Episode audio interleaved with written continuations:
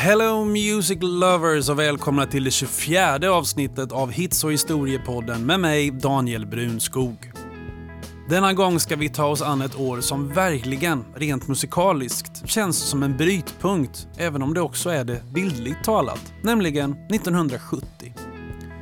Det är för många band och artister som dragit utvecklingen framåt sedan rockens stora genombrott 63-64 en tid då man antingen har spelat ut sin roll och splittras eller åtminstone slutar vara relevanta på just den punkten. Banden och artisterna som tar över bildades och växte upp i myllan som föregångarna skapat åt dem, men tar nu steg föregångarna inte varit kapabla till, tack vare musikalisk inspiration och tekniska framsteg som inte tidigare varit tillgängliga.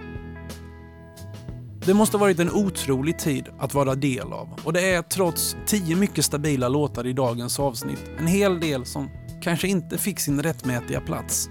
Till exempel ABC med Jackson 5, Black Knight med Deep Purple, War med Edwin Starr, All Right Now med Free eller något från de första albumen av numera ex-Beatlarna Paul McCartney, John Lennon, Ringo Starr eller George Harrison.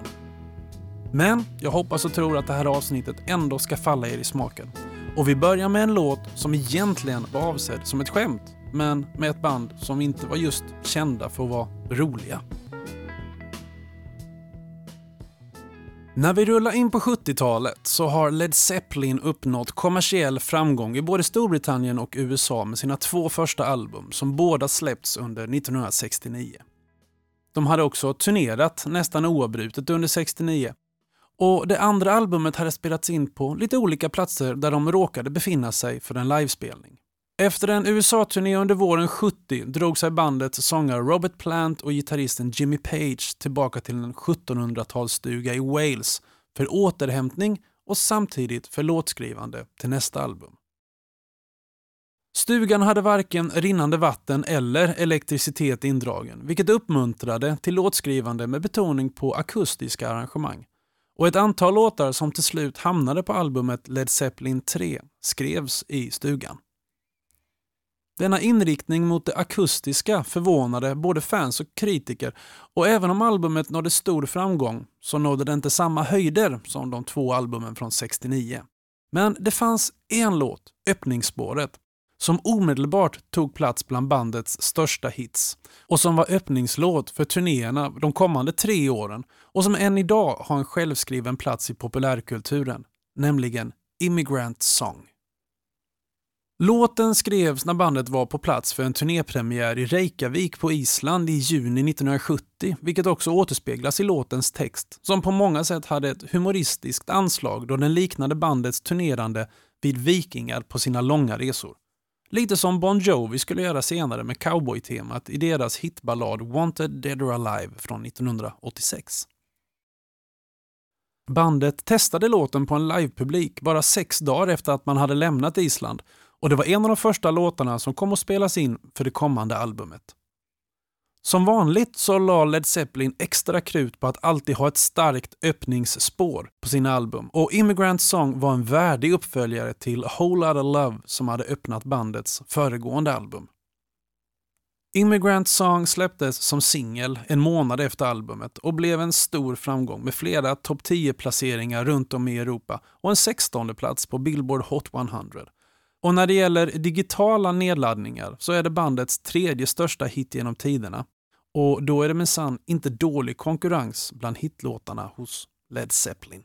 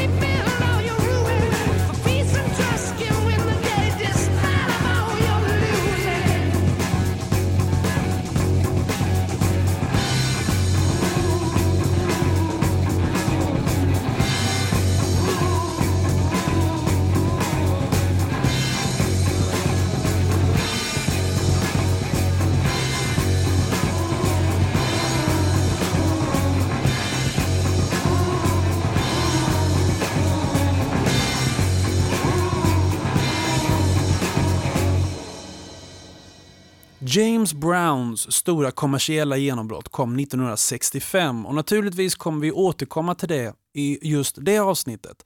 Men nu ska vi fokusera på hans banbrytande singel Get Up I Feel Like Being a Sex Machine som kom sommaren 1970.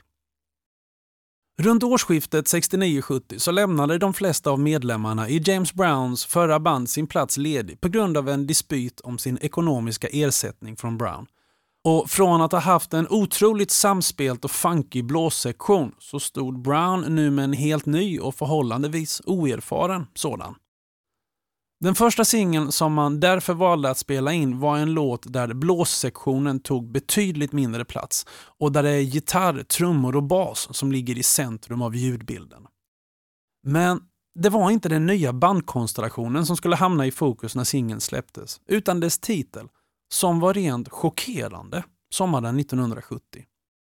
Aldrig tidigare hade en låt som blivit en topp 100-hit på Billboard-listan haft ordet sex i titeln men Brown kände att hans publik var redo för det nu.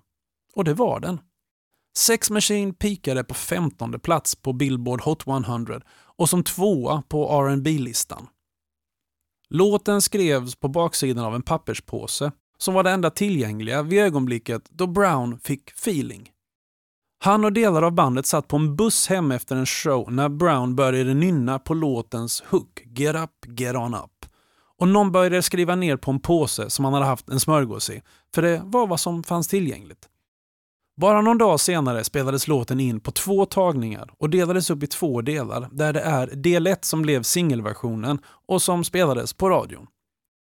Mycket av den här låten är ett samspel mellan Brown och hans högra hand Bobby Bird som förutom att han spelar orgel i bandet också är den som sjunger den upprepande Get On Up-delen som svarar på Browns Get Up. En annan musikalisk del som Brown ofta kastade in i sina låtar, nämligen frågan “Shall I take them to the bridge?” vilket syftar till en del av låten som musikaliskt avviker från resten, fick stort utrymme i den här låten och Sex Machine var under resten av Browns karriär en personlig favorit. Precis som den var hos hans stora, trogna publik. Fellas, I'm ready to get up and do my thing. Go ahead, go ahead. I want to get into it, man, you know. like a like a sex machine, man. Yeah. Moving, doing it, you know. Yeah. Can I count it off? One, two, three, four. Get up, get on up, get up, machine. Get on up, get up, get on up, get up, get on up. Stay on the scene, get on up, like a sex machine. Get on up, get up, get on up. Stay on the scene Get on up like a sex machine. Get on up. Wait a minute, shake your arm, then use your palm. Stay on the scene like a sex machine. You got to have the feeling, sure you're born. Get it together, right on, right on. Get up, get on up, get up, get on up,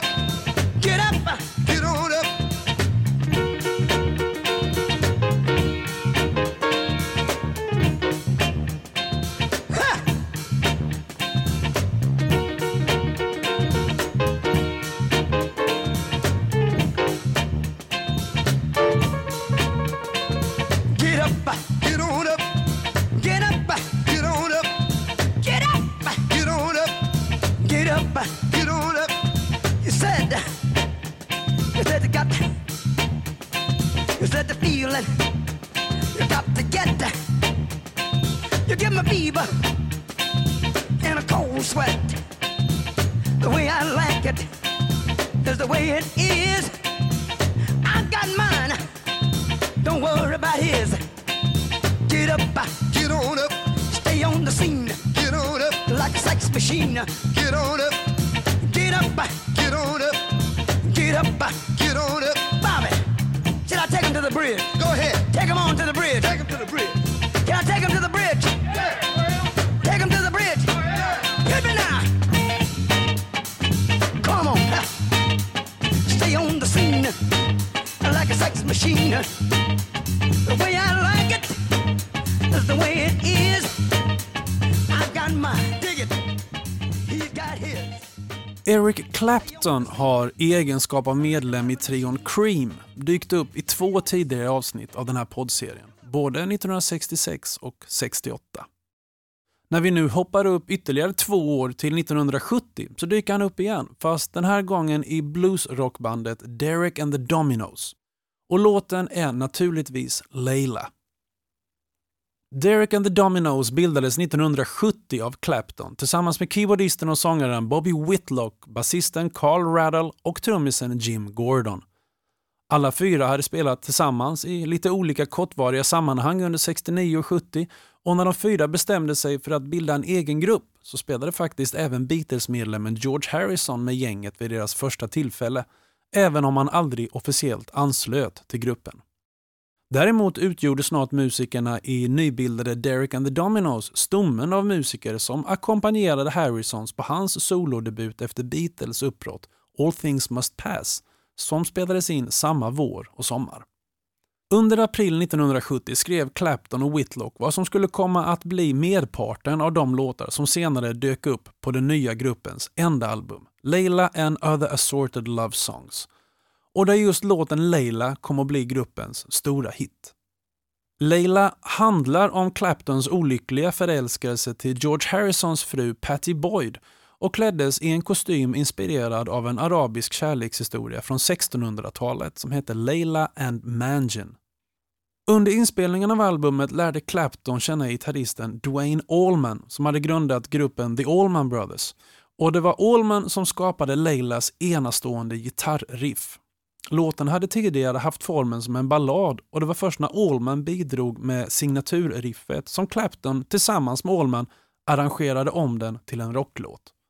Bandets trummis Jim Gordon hade tillsammans med sin dåvarande flickvän sångerskan Rita Coolidge komponerat ett pianostycke som de jobbade på till en låt. Men Clapton blev så imponerad av det att han bad Jim om tillåtelse att använda det i Leila.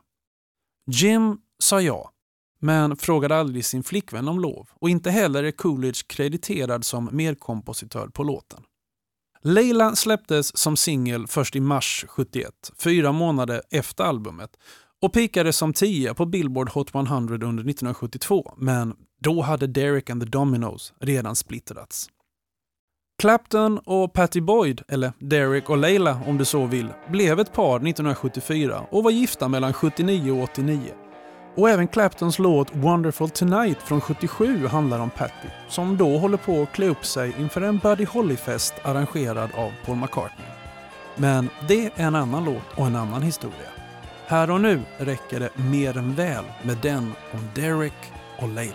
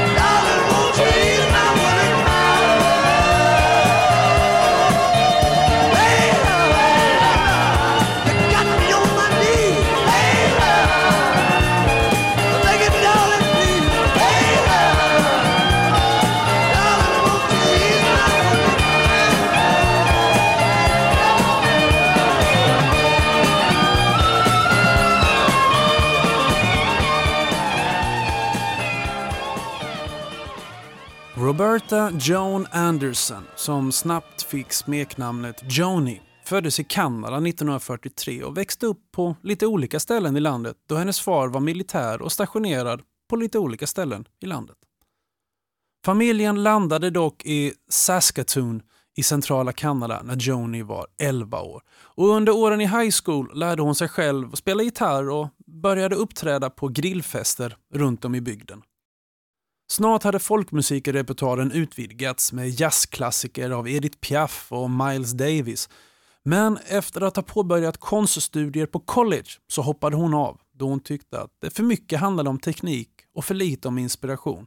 Och när hon var 20 år lämnade hon hemstaten Alberta och drog till Toronto för att satsa på musiken. Våren 65 träffade hon musikern Chuck Mitchell och de båda flyttade till hans hemstad Detroit där de gifte sig redan samma sommar. Äktenskapet och det musikaliska samarbetet tog slut 67 och Joni Mitchell, nu 24 år gammal, flyttade till New York för att satsa på en karriär som soloartist. Hon landade ett skivkontrakt, vilket medförde en flytt till Los Angeles där hon spelade in och släppte debutalbumet Song to a Seagull 1968. Debuten följdes upp av Clouds som kom 69 vilket gav henne en Grammy för Best Folk Performance. Och i mars 1970 kom så hennes tredje album, Ladies of the Canyon. Mitchells sound hade nu börjat ta stora och tydliga steg bort från folkmusiken mot pop och rock. Och det är från det här albumet som jag har plockat låten Big Yellow Taxi. Låten handlar om att ta saker för givet och sen sakna dem när de är borta. Och I den första versen använder hon Waikiki på Hawaii som ett exempel. Hon skrev nämligen låten vid sitt första besök på Hawaii och som hon upplevde som ett paradis som förvandlats till ett konstgjort turistresemål. Och textraderna om ett trämuseum hänvisar till Foster Gardens som är en botanisk trädgård i Waikiki. Big Yellow Taxi blev en hit i hemlandet Kanada, i Australien och i England.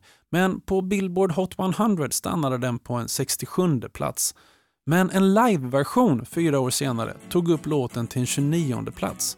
Och det är en av de låtar som gjort Joni Mitchell till en av de mest hyllade artisterna under hela 1970-talet.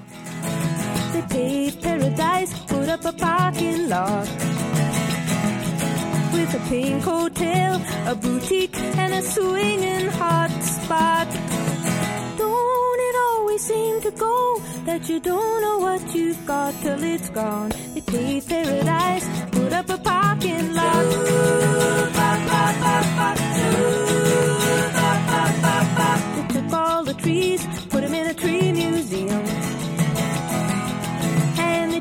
charged the people a dollar and a half just to see them Don't it always seem to go that you don't know what you've got till it's gone. They paved paradise, put up a parking lot.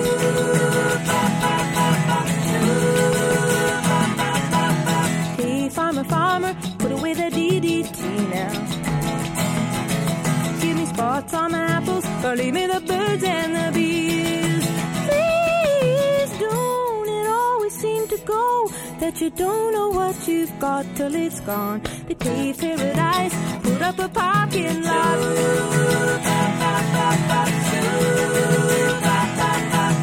Late last night, I heard the screen door slam. And a big yellow taxi took away my old man.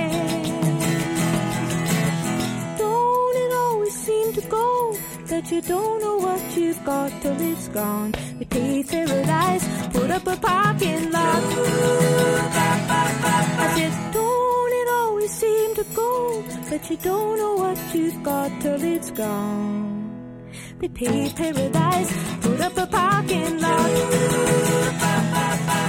We paid paradise, put up a parking lot. Let it be var det sista Beatles-albumet som gavs ut, även om Abbey Road faktiskt spelades in senare men gavs ut före. Ja. Och Let it be släpptes i maj 1970, kort efter att gruppen hade meddelat att den upplöstes. Alla medlemmarna kommer att släppa sina egna debutalbum som soloartister samma år, men jag har valt att lyfta fram en låt från Let it be.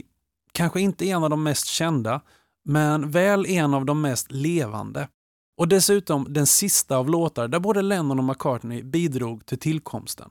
Nämligen I've got a feeling. Den största delen av musiken till Let it be spelades in i januari 69 under ett projekt som hade arbetsnamnet Get Back då gruppen även filmades under repetitions och inspelningsarbetet. Och albumversionen av I've got a feeling spelades in live under den berömda spelningen på taket till Apple-byggnaden den 30 januari. Under inspelningarna anslöt Billy Preston till gruppen som gästmusiker på initiativ av George Harrison då han visste att de andra i bandet skulle så att säga uppföra sig lite bättre om någon annan musiker än bara de fyra Beatlarna var med i studion. Och till slut kom Preston att spela på tio olika Beatles-låtar, varav I've got a feeling var en. Ett stort problem under inspelningarna av Let it be var att Lennon tycktes ha fått skrivkramp och inte kunde bidra med något nyskrivet material. Across the Universe var en inspelning från 68 och One After 909 var en nyinspelad version av en låt som han hade skrivit redan som 17-åring. På I've got a feeling bidrog Lennon med en del och McCartney med den andra och precis som på A Day in the Life från 67 som var med i avsnitt 17 så slog man ihop de två delarna till en fungerande enhet. McCartneys optimistiska del handlar om hans relation med Linda Eastman som han kom att gifta sig med under våren 69. Medan Lennons del, som hade skrivits 68, var mörk och deprimerande, vilket också stämt bra överens med hur hans år hade varit då.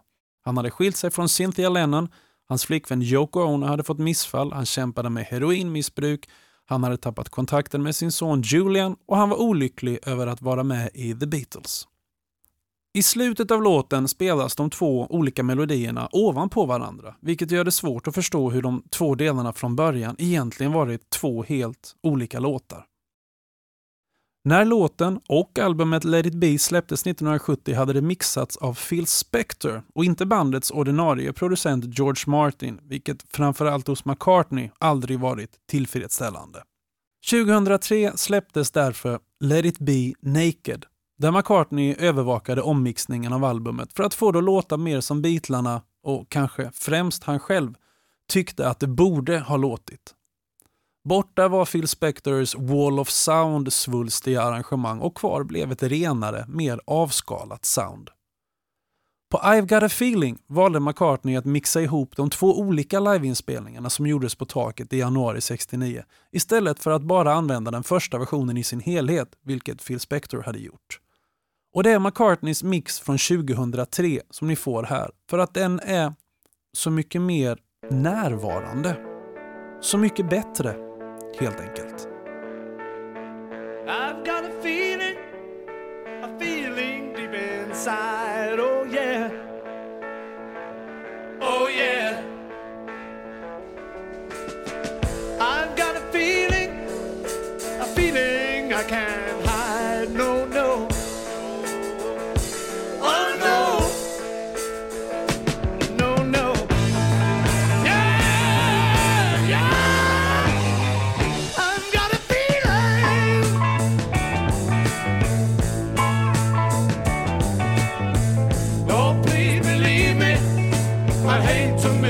train.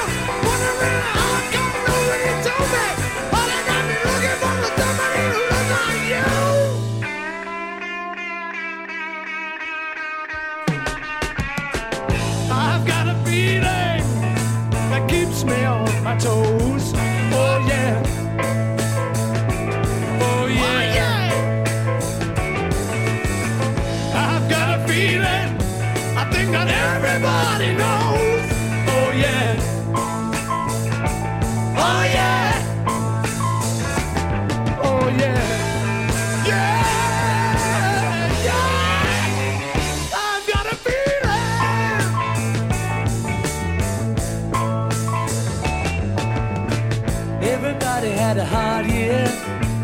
Everybody had a good time. Everybody had a wet dream. Everybody saw the sunshine. Oh yeah. Oh yeah. Oh yeah. Oh yeah. Everybody had a good year. Everybody let the hair down. Everybody pull the socks up. Yeah. Everybody put the foot down. Oh yeah.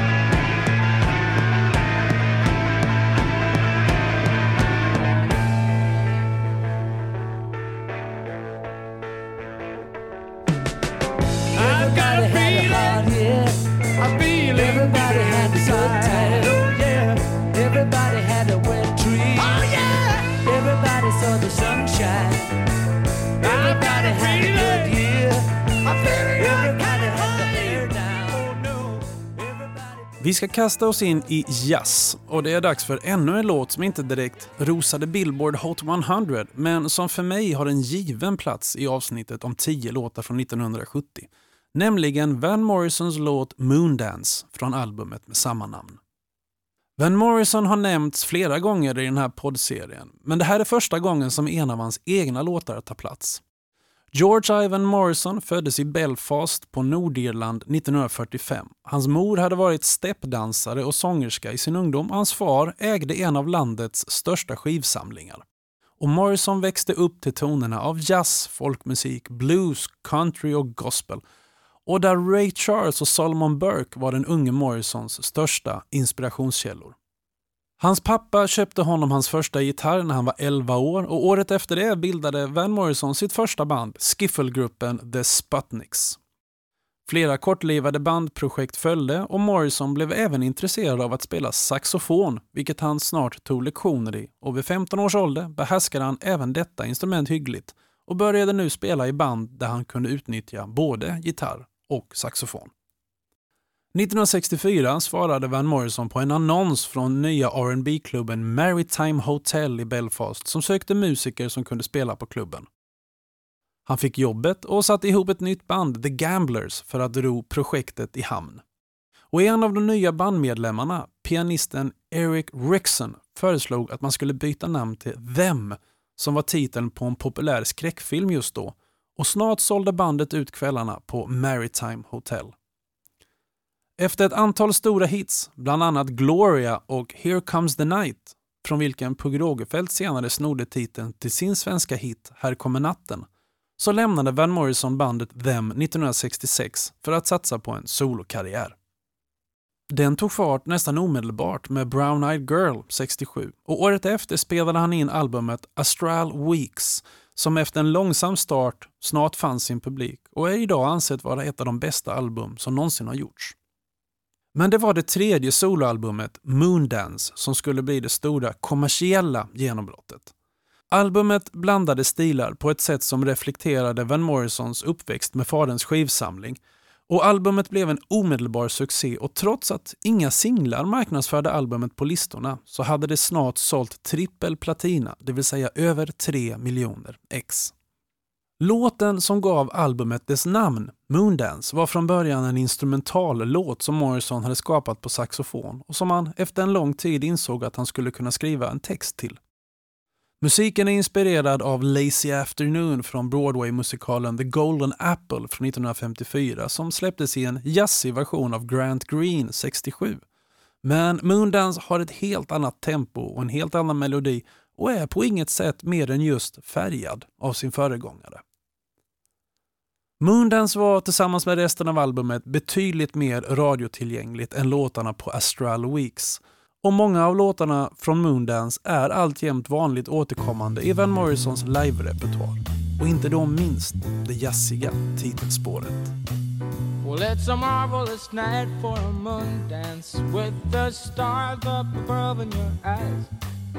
Fantabulous night to make romance neath the cover of October skies.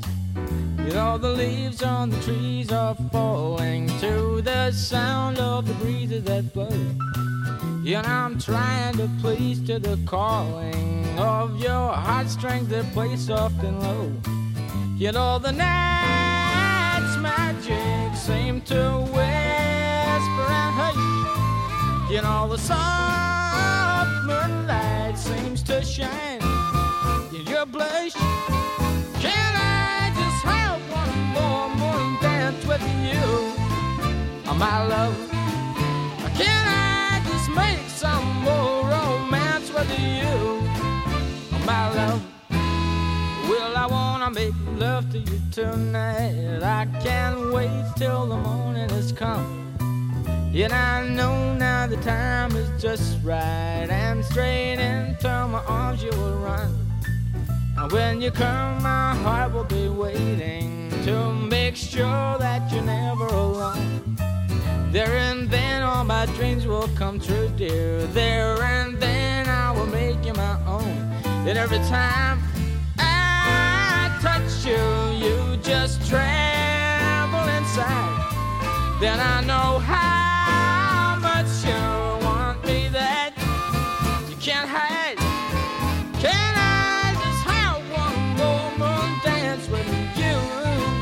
my love? Can I just make some more romance with you, oh, my love? Hits och historiepodden är ett digitalt barn kan man väl säga av scenföreställningen Hits och historia 64-66 som hade premiär på Jönköpings teater hösten 2019. Med undertecknad och ytterligare nio musiker och artister så tar föreställningen sitt avstamp i februari 64 när The Beatles uppträdde på The Ed Sullivan Show för första gången och redogör sedan för hur den brittiska rockvågen sköljde in över Amerika och la grunden till pop och rockmusiken som vi känner den idag. Föreställningen kommer att åka på turné under januari och februari 2022 och du hittar information om städer och datum samt klipp från föreställningen på hitsochhistorier.se.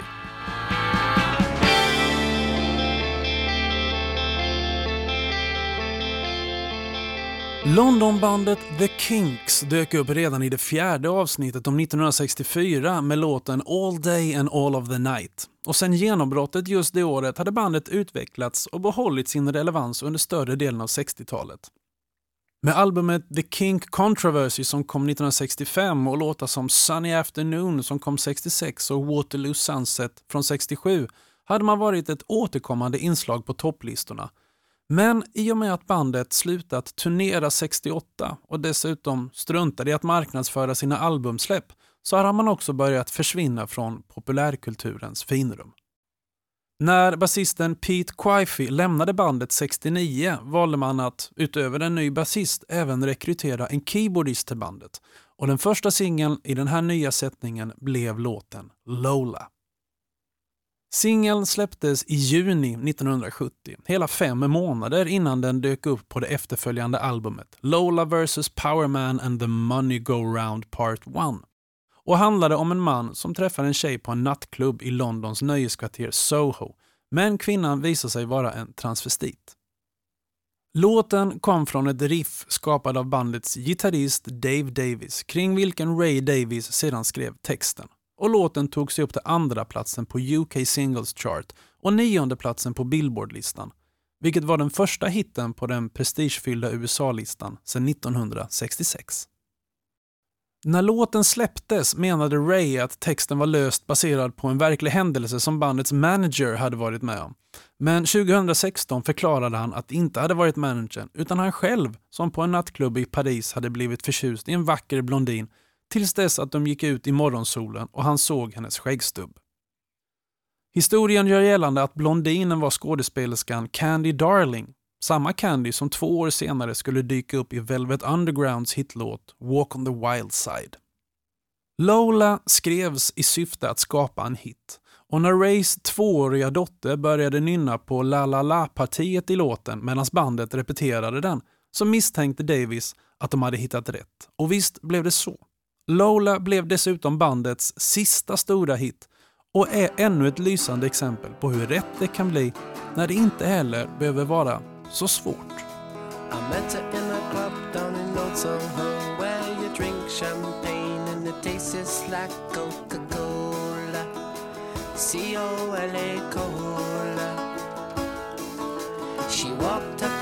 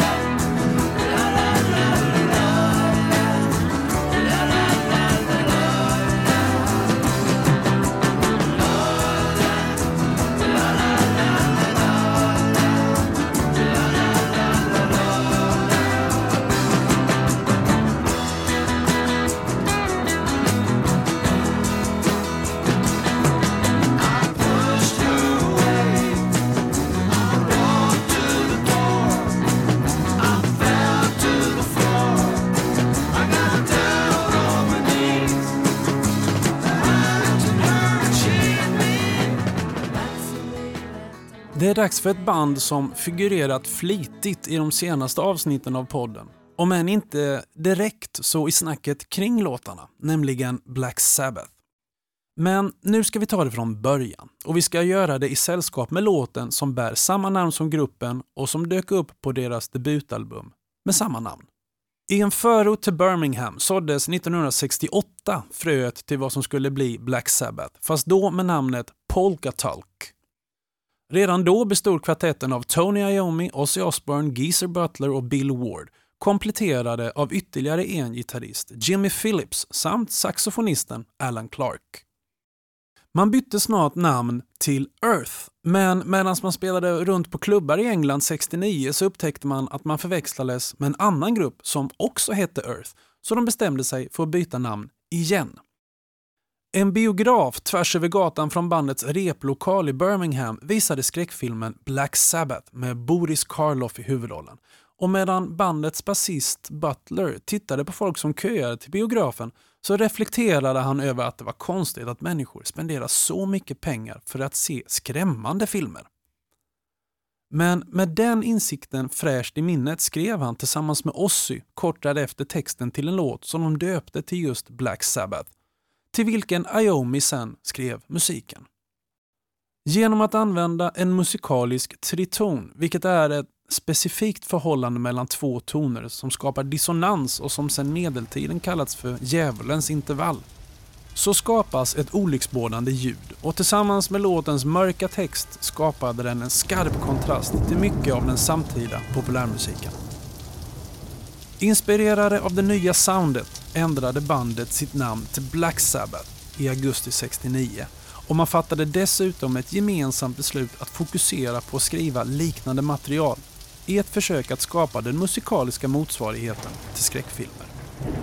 Det självbetitlade debutalbumet spelades in på 12 effektiva timmar den 16 oktober 69 och släpptes en fredag den 13 i februari 1970. Det var mestadels negativa recensioner men albumet jobbade sig trots detta ändå sakta men säkert upp för albumlistorna där det pikade som 8 i England och 23 på Billboards albumlista. Black Sabbath hade gjort ett avtryck. I efterhand större än någon av de inblandade ens kunnat föreställa sig när det begav sig. Och albumet är idag ansett vara det första heavy metal-albumet någonsin. Och titelspåret är en av hörnstenarna i hela genren. Och allt detta för att det råkade ligga en biograf vid bandet Earths replokal i Birmingham. What is this that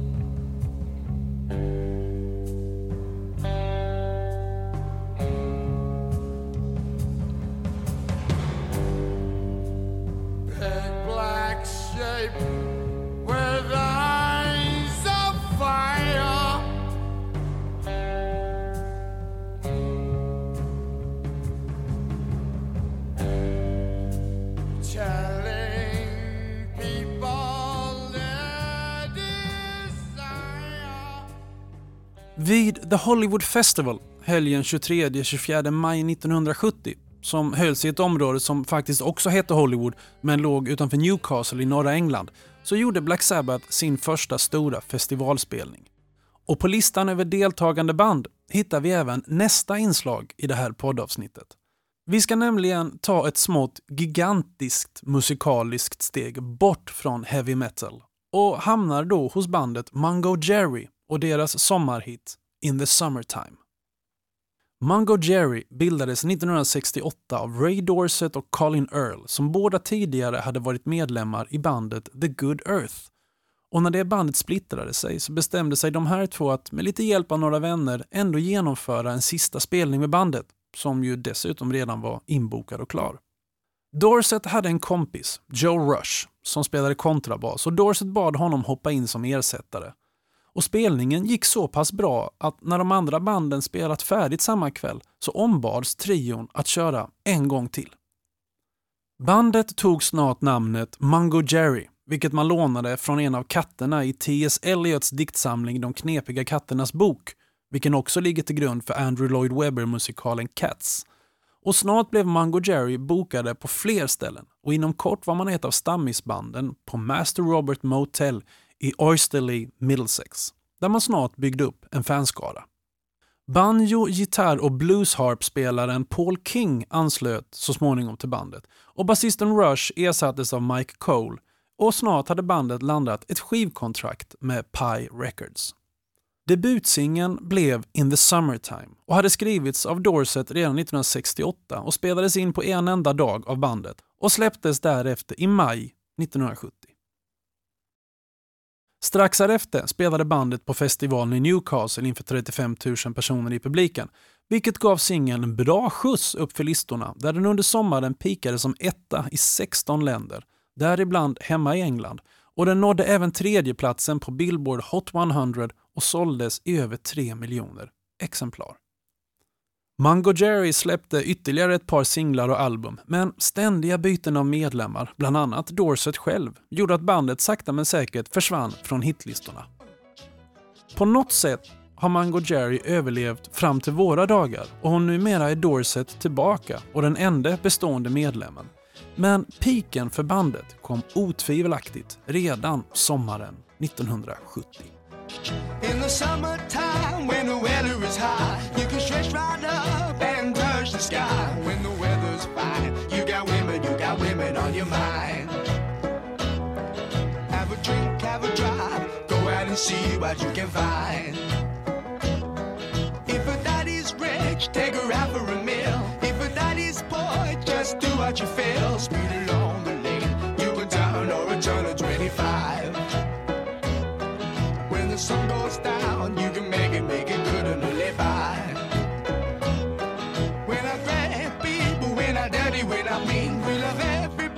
but we do as we please. When the weather's fine, we go fishing or go sailing in the sea.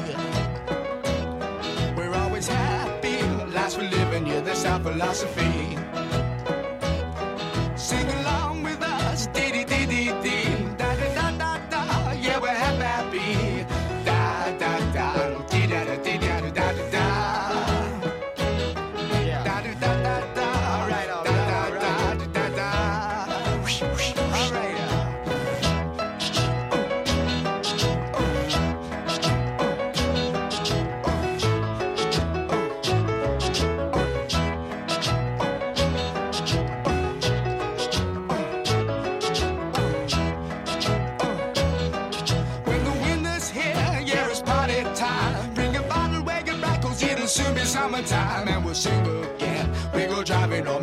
settle down. If she's rich, if she's nice, bring your friends, and we'll all go into town.